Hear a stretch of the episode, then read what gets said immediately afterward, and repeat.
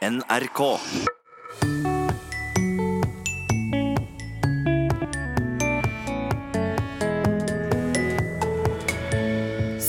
Språkteigens latinskole er på plass med litt grammatikk i dag. Vi prøver oss på suffikser, som gjerne er noe du må pugge. Ja da, det må du. Og det gjør ikke vondt, og ikke er det dødelig heller. Vi serverer siste episode i serien om søm og språk, og muligheter for tungekrøll. Rollo. Ja, ja, men nå sa du det riktig. Her i Norge så driver jo folk stort sett og sier rullur. Og hva tenker du om jeg sier klein? Ungdommen av i dag Ja. de bruker dette ordet med betydningen sosialt ubehag. Vel møtt til Språkteigen. Vi skal starte Språkteigen i dag med å sende ut en invitasjon. For 2018 er på hell, og på slutten av året har vi en tradisjon med å kåre årets ord. Og nå er det på tide å invitere deg som hører på, til å sende inn kandidater til kåringa. Vi kan jo starte med å høre hva som ble kåret til årets ord i 2017. Årets ord 2017 i Språkteigen er trakassering. Dette her er jo et ord eh, som også altså, rommer et begrep som tar opp i seg noe annet som veldig mange har foreslått. Og det er, nå skal jeg konsentrere meg om å si emneknagg, Ja. eh, metoo, eller hashtag metoo, som, som veldig mange kaller det. Og dette her er jo en hendelse som har satt eh, altså, ganske tydelig preg på eh, 2017. Vi kan nå nevne at årets ord i 2016 ble skam, og i 2015 flyktning. Vi er altså ikke på jakt etter et nyord som har oppstått i løpet av året, men et ord som har satt sitt preg på det året vi legger bak oss. Et ord som har vært langt framme i nyhetsbildet og i folks tanker. Slike ord er gjerne knytta til hendelser, og der er det mye å ta av. Ganske nylig så fulgte jo hele det norske pressekorpset KrF sitt ekstraordinære landsmøte minutt for minutt. Kjære landsmøte, det er lealøse tider. Og her ser vi at de kreftene som splitter, har vokst seg sterkere og fått mer makt. Så sier noen det er bare ord, det er bare retorikk, det er bare sosiale medier. Men vi veit bedre. Vi har òg hatt to turbulente statsrådavganger. Det har vært en helt surrealistisk uke. Der et eh, Facebook-innlegg som er beklaga, har omgjort norsk politikk til en barnehage. Da er det min oppgave å opptre voksent. Klokka 15.00 i dag så er jeg da ikke, dessverre, statsråd. Eh, ikke en del av regjeringa. Jeg vil heller ikke være en del av ledelsen i Frp. Og nokså nylig har en Twitter-post vært i vinden, noe blant annet Satiriks-redaksjonen her i NRK plukka opp. Satiriks redaksjonsmøte. definisjonen på å være kronisk norsk. da. Jeg er ganske sikker på det. her. Jeg tror du er kronisk norsk når du har lyst til å være med i en 17. mai-komité. Du husker kanskje andre hendelser med ord som har prega oss i 2018. Vår reporter Michelle Tveikra tok en tur på Høgskolen i Hamar, der studenta hadde merka seg andre saker, som tørkesommeren, Fòrkrise. et underholdningsprogram på TV 2, Kan du si et ord som oppsummerer 2018? Frank Løke. og de hadde òg andre forslag. Sammekroppen. Baklengs planlegging. Kaos. Spionasje. Men altså, hva er ditt forslag til årets ord 2018? Send det til teigen krøllalfa nrk.no. Og kåringa av årets ord skjer i Språkteigen før jul. Språkteigens lille latinskole er altså på plass igjen i dag, og grammatikk står på timeplanen. For noen uker siden hørte vi at romerne var mestere til å danne nye ord, og at én metode var å bruke prefikser eller forstavelser. En annen metode var å bruke suffikser, det vil si at et grunnord får et tillegg på slutten. Og vi skal ta for oss en del slike i dag. Vibeke Roggen, Førsteamanuensis i latin ved Universitetet i Oslo. Du er jo læreren vår i latinskolen, og hvis jeg skulle ha studert latin, så måtte jeg kanskje regne med å pugge litt på dette stoffet her? Ja da, det må du. Ja. Og det gjør ikke vondt, og ikke er det dødelig heller. Men du som hører på, du skal slippe å pugge. Kanskje lærer du litt likevel. Og først, hvorfor er suffikser viktige, Vibeke? Det er viktig hvis man eh, syns det er moro å, lære om sammenhengen mellom forskjellige ord og grunnleggende betydning av de ordene. Mm. For suffikser har nærmest en eksplosiv kraft og flytter ord fra én ordklasse til en annen. Verb blir til substantiv, og kanskje enda oftere omvendt. Det blir substantiv av adjektiv, og det blir adverb av adjektiv, osv., osv. Men hva betyr egentlig suffiks? Suffiks betyr eh, av latin suffixum, betyr festet under eller festet etter. Og et eksempel på norsk er lig i hyggelig. Det gjør substantivet hygge om til et, eh, adjektiv. Fra hygge til hyggelig. Så det er en god del av dem på latin, og vi har lånt inn mange av ordene og fornorsket dem i, i stor grad på en eller annen måte, men sånn at det er lett gjenkjennelig. Mm. Og det er en del av dem, så det er mye å ta tak i her, ikke sant? Ja, men man kan jo begynne med dem som er de vanligste. En favoritt fra min side er jo tas. Da begynner vi med den. Ja. Det danner abstrakte substantiv av adjektiv. Og det tilsvarer het på norsk, fra kjærlighet til kjærlighet. Og vi har jo noen eh, firmaer eller organisasjoner som har brukt de latinske substantivene direkte. Libertas, securitas, caritas, veritas. Libertas av liber, som betyr fri. Så da betyr det altså frihet. Securitas av try, securos, trygg. Trygghet. Sikkerhet. Caritas av caros, kjær. Så det betyr kjærlighet. Og veritas av veros, sann. Sannhet. Ja, dette var eksempler på het-ord, altså ord som slutter på het på norsk. Men tass gir òg norske endelser på tet. Ja. Et uh, ord som brukes i veldig stor grad. Jeg tror Cicero ville vært uh, overrasket hvis han hadde visst hvor mye vi hadde brukt det ordet han laget. Han skriver nemlig i en tekst om hvordan han lager ordet qualitas for å gjengi et gresk ord. Han brukte pronomene qualis av et eller annet slag for å gjengi noe, et ord som da betyr hvordanhet. Og det klinger jo ikke så godt på norsk. Nei. Og egenskap dekker ikke helt det som ligger i kvalitas, så det er godt vi har dette låneordet kvalitet. Vi har altså gjort om dette tas til tet. Men eh, da kan man altså være obs på de ordene som eh, slutter på tet, og som eh, i hvert fall i, i mitt muntlige norsk eh, har trykket på siste stavelse også. Ja, Og vi har mange eksempler på ord med suffikset tas. Ja, vi har kvantitet. Det er også fra latin. Quantitas, dannet av eh, quantus, så stor eller hvor stor.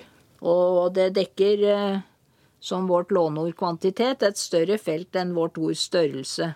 Det kan nemlig også bety antall. Eh, så har vi prioritet. Det betyr at noe skal vektlegges fremfor noe annet.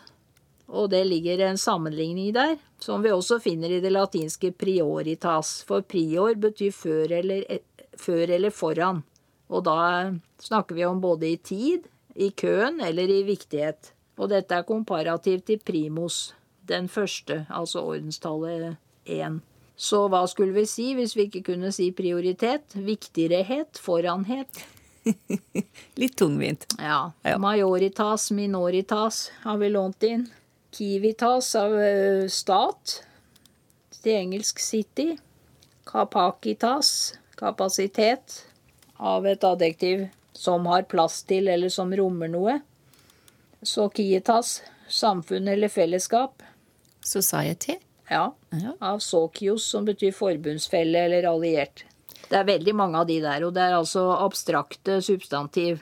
Og det med, med suffiksen er altså at uh, et suffiks danner et ord av en bestemt type, både en bestemt ordklasse og også av en bestemt karakter, altså i dette tilfellet abstrakte substantiv. Og så finner vi jo et slik tassord i et kjent uttrykk, nemlig den gylne middelvei. Ja da, det har vi fra Horats forresten. Aurea mediocritas. Medioker har jo litt nedsettende eh, klang, men eh, ikke så hos han. Det å gå imellom ja. den ene og den andre ytterligheten mener han er det beste. Nemlig. Og kaller det gyllent aurea, eller av gull, faktisk.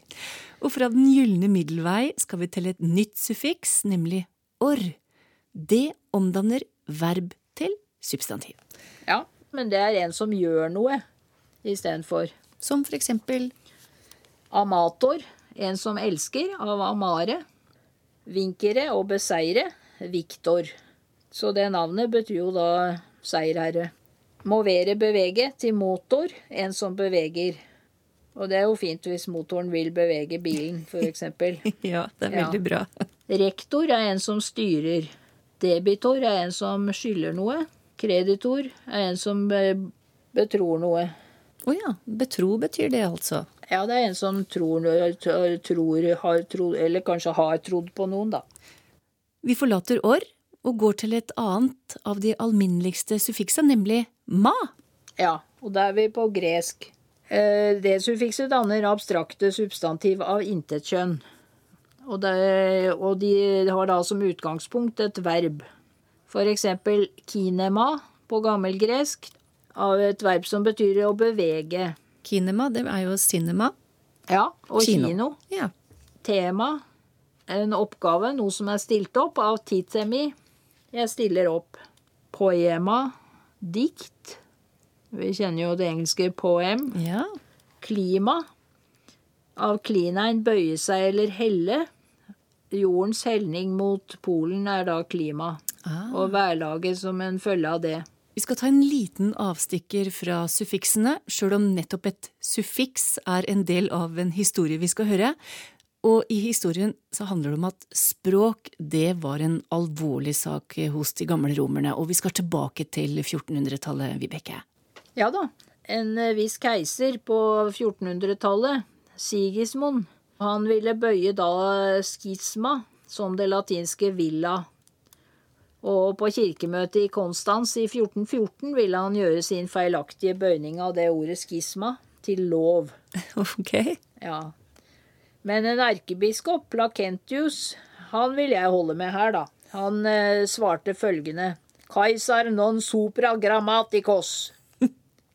Keiseren står ikke over språklærerne. Ja, det er du sikkert enig i, Vibeke? Helt enig. Det er jo omvendt, ikke sant? Det er jo klart, men det må være omvendt. Skal vi avslutte denne lille leksjonen i grammatikk med suffikset kulus? Ja. Kulus uh, brukes i alle kjønn. Kulus, kula, kulum. Og danner forminskelsesord og øh, diminutiver av substantiver. Og diminutiven får samme kjønn som grunnordet, og ordklassen beholdes. Flås blomst, floskolos, eh, floskel. En liten språkblomst. Ja. Kalks betyr en stein. Kalkulos, en liten stein. Og kalkulere, da brukte man vel da steiner til eh, å regne. Det var det, datidens kalkulator. Ja, det har også Da har vi jo dette or-suffikset. da, En som gjør noe, ikke sant? En som regner, en som kalkulerer, eller i tilfelle en, eh, et apparat. Nemlig. Mm -hmm. ja. Ventrikkel, hjertekammer, av uh, venter, som betyr mage. ventrikolos. Hjertets uh, lille mage.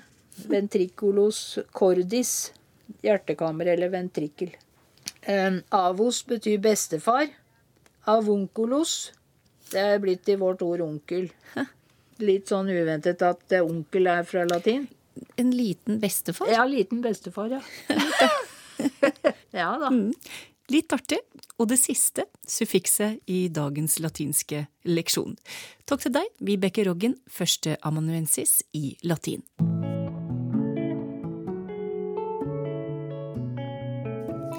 Vi har kommet fram til siste episode i serien vår om språk og søm. Her har vi vært innom mange ord, begreper og teknikker fra hele verden. Noen mer kompliserte enn andre.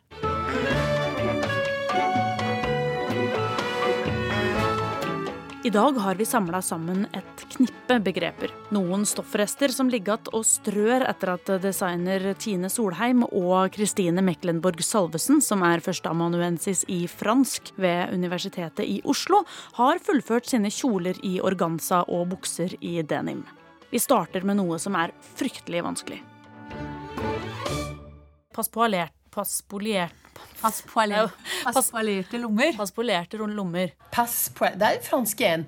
Passpol. Ikke bare er det vanskelig å si, det er neimen ingen lek å sy det heller. Passpolerte lommer er at du, du, legger da et stoff oppå der hvor du vil ha lommen på klesplagget, og så syr du en firkant rundt, og så klipper du, og så vrenger du da det stoffet inni på vrangen av jakken. Så det, den prosessen heter jo da på fransk passepoil. Og de fleste av oss har nok hatt med disse lommene å gjøre opp igjennom. Innen konfeksjonsindustrien og innen herredresser så har du jo da en passpolert lomme som er brystlommen. Du har passpolerte lommer med og uten klaffer. Så det er jo veldig mange varianter man lager av det, da. Men hva betyr det? Passé er at du trekker noe gjennom, eller altså noe, noe kommer gjennom. Passé quelque chose er å gå forbi noe, men du kan også si at du trekker noe inn i noe. Poil er et ord som i utgangspunktet betyr pels eller kroppshår. Og for å få fortsettelsen av dette begrepets betydning i sømfaget, så må designeren inn. Poil er egentlig et hår, hvis du skjønner. Men eh, noe som innen sømmen er så tynn som en poil, det vil si at det blir en liten, tynn stripe. Så lett, men samtidig så vanskelig. Passpoilert pass, Passpolerte. Ja, eller jeg vet ikke hva heter det, poilert eller po poliert på norsk. Kan vi ikke prate om noe helt annet? Rollo. Ja, men da sa du det riktig. Her i Norge så driver jo folk stort sett og sier rullur. Og det er jo helt fransk, for at det skrives rouleau, R-O-U-L-E-A-U. ikke sant? Så det uttales altså rouleau. Og man kan godt si da rouleau på norsk, ikke sant? Eh, og vi kjenner det jo veldig godt innen bunadstradisjonen. For det, det er jo da et skråbånd man klipper på full skrå.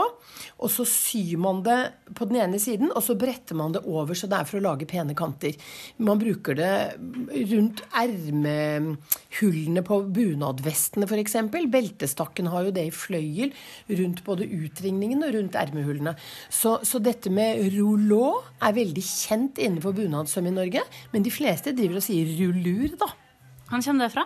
Nei, det vet jeg ikke. Altså Heller ikke språkalibiet vårt ser ut til å vite svaret på det. Har du forklaring på åssen det kan ha blitt rullur? Nei, ikke i det hele tatt.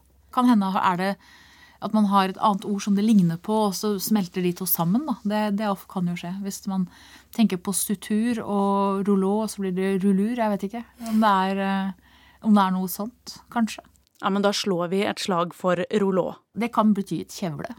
Men det betyr egentlig bare at det er rulla. Det er noe som er rulla sammen. Før vi ruller sammen sømsaken, så tar vi med ett, eller på en måte to, begreper til. Couture betyr jo søm. ikke sant? Un couture er jo selve sømmen. Så faire de la couture, det er jo da å utøve søm. Haute couture er jo betegnelsen på det ypperste kvaliteten av haute couture som de store motehusene i Frankrike bedriver. Men det holder ikke å være fransk i et slikt selskap? Det er noen få som er godkjent som haute couture-hus.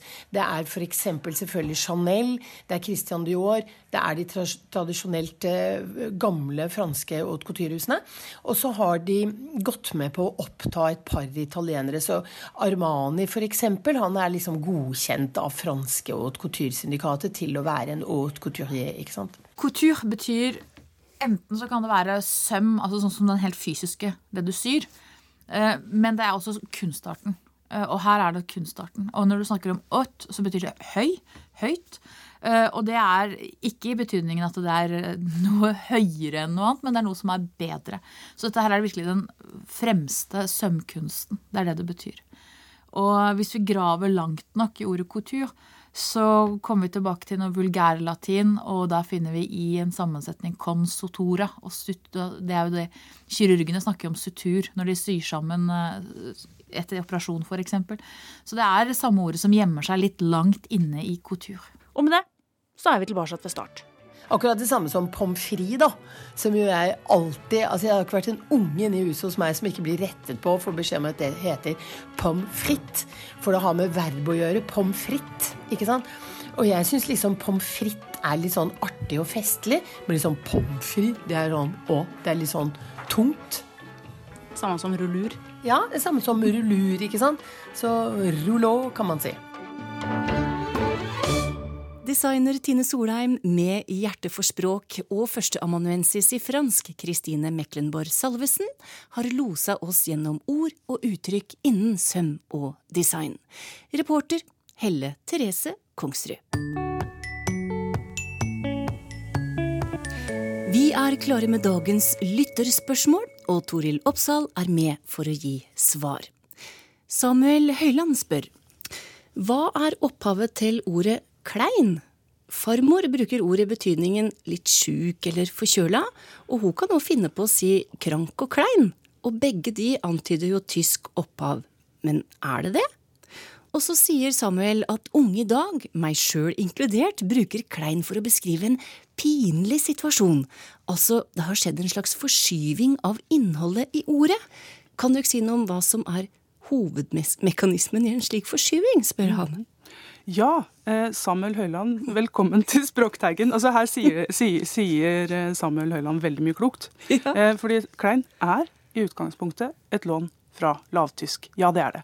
Eh, Kleine hører vi jo også i tysk i dag, eh, og det er noe tynt og fint. Og vi har lånt inn med betydning av svak og dårlig, og i noen dialekter også med betydning av syk og skrøpelig. Mm. Og kanskje til og med litt forkjøla. Ja.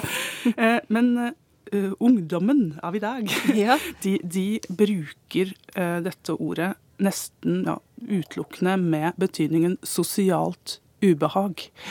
Uh, og jeg tok et grovsøk i et avismateriale fra i år, og der finner jeg nesten bare eksempler på bruk av klein nettopp om sosialt ubehagelige situasjoner. Mm.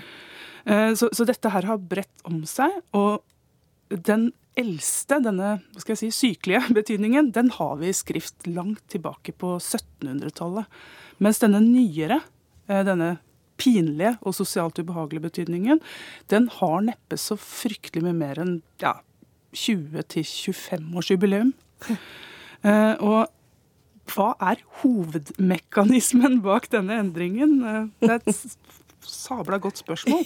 Og det er, men, det er, men dette er nettopp overføring av betydning, eller en del av en betydning, til et annet domene eller område.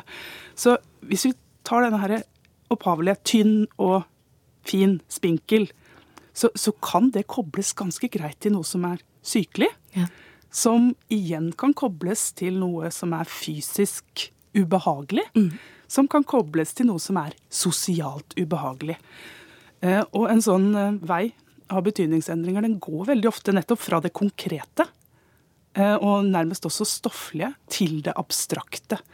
Og ofte går det også fra det helt nære, det som har med kroppen vår å gjøre, og det, det som har med oss som mennesker å gjøre, og utover fra vår kropp som sentrum. Og eh, av og til så endrer jo betydningen seg så mye at vi av og til glemmer hvor den starta. Og et av mine favoritteksempler på akkurat det der, det, det er bak.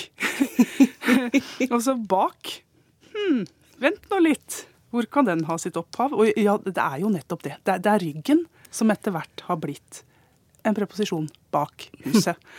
uh, og litt av den samme formen for utvikling har nok Klein blitt utsatt for. Så det er spennende.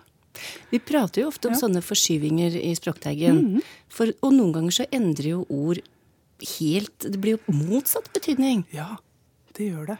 Og det er jo artig når du ø, endrer innholdet såpass mye at det nærmest blir tomt, så blir det også åpent for å tillegges et nytt betydningsinnhold ja. ø, i noen sammenhenger. Så dette her er uhyre spennende å følge med på.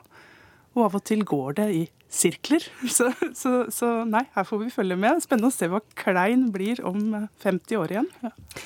Jeg har et spørsmål jeg gjerne skulle hatt klarhet i. For jeg bruker til stadighet 'du er en knupp'. Men hva kommer det av, egentlig, spør Mari Mjåland. Mm. Jeg lurer på om vi har vært borte dette tidligere, men uh, vi kan prøve å nøste opp i det igjen. Ja. Uh, altså en knupp, eller en knopp, i seg sjøl betyr noe, noe sammentrykt. Så der, der, kan du ha en liten klump eller en knott eller en utvekst. Eh, og vi bruker det kanskje aller mest om et planteskudd i tidlig fase. Mm. Og det er særlig denne blomsterknuppen som knyttes til hjelpsomme og positive personer. Eh, og jeg må innrømme at jeg, jeg er usikker på hvorfor. Ja. Eh, men, men, men, samtidig så, så er en knopp som straks springer ut og blir en blomst, er unektelig et godt bilde på en som straks spretter opp og iler til verks og er hjelpsom. Så, så, du har et sammentrykt potensial som bare venter på å springe ut, og da er du sannelig en knupp. Eh, men noen bedre forklaring enn det, det har ikke jeg her, altså. Går det an å gå noe videre fra den og til den derre knuppen på dolokket? Mm, det var vel et forslag fra Mari Mjåland her om at ja. dette også handla om en knupp. Ja. Eller en knopp, da, oppe på dolokket. Eh, og det er jo også en liten sammentrykt klump. Og at det skal være hygienisk å løfte av lokket med denne klumpen istedenfor å måtte grave ned under lokket. Altså, jeg, ja, jeg syns det er en god, en god historie. Jeg, jeg, må innrømme at jeg er litt skeptisk, men, men, men så lenge dette, dette, gir god mening og bidrar til at vi evner å uttrykke noe positivt, til hverandre, så skal jeg ikke, jeg skal ikke, skal ikke være vrang, jeg. Jeg skal velge å være en knupp og si at dette her var en god forklaring. Vi sitter og prater om ord for mengder, og ingen av oss vet eller kan finne en forklaring på ordet ørten. Mm. Hvor kommer det fra, og hva betyr det egentlig, spør ja. Inger Lise Godbakken. Her er svaret jeg har nær sagt Inger Lise Godbakken. Fordi eh, dette her handler om vår ganske unike evne som språkbrukere til å være kreative og til å gjenkjenne eh, språklig form. Så dette her har nok sitt opphav i språklek. Det er tallord, andre tallord som slutter på tenn. Som er måten dette ordet er danna på. Eh, og jeg lurer på om det er Det Norske Akademis ordbok som, som foreslår og antyder også at det er en uttale adertonn så, som ligger til grunn for ørten. Men dette her er det er rett og slett noe uvisst. Eh, betydningen til ørten det er jo en stor mengde, eh, som kanskje nettopp ikke kan eller bør tallfestes alltid. Og noen bruker også varianter som 80, Eh, og det ligner også på andre tall. Og så kan vi jo kline til med 80 og 40, som jeg hører noen gjøre. Og for ikke å snakke om fjaksen, som vi også kjenner igjen som nettopp som tall som ikke er tall. Eh, men det er, men det er vår kunnskap om hvordan tall høres ut og ser ut, som gjør det mulig å skape denne type leketall. Så her er nok ikke sammenhengen mellom form og betydning helt tilfeldig. Men, eh, men, vi kjenner dem igjen, og vi kan skape ganske mange. Fjaksen ja. og ørti og ørten. Ja, Jeg tror jeg har hørt, jeg har hørt ørt og fjørti. Ja, eh, og den er nok litt eh, mer verdt enn 80-40. Ja, ja. 40 er ca. Ja. 50 det, da. Ja, det er vel noe sånt. Ja. Nei, men, det er, men, det er, veldig moro. Og, og, det sier noe artig om oss som, eh, som, språkbrukere. For det sier jo at vi faktisk oppfatter noen eh, rytmer, rytmer og noen logiske systemer i språket. Ja, vi, vi gjør det. Og det er neppe tilfeldig. Nei. Det sa Toril Oppsal, som svarte på lytterspørsmål i dag. Har du spørsmål eller forslag til årets ord, send oss en e-post.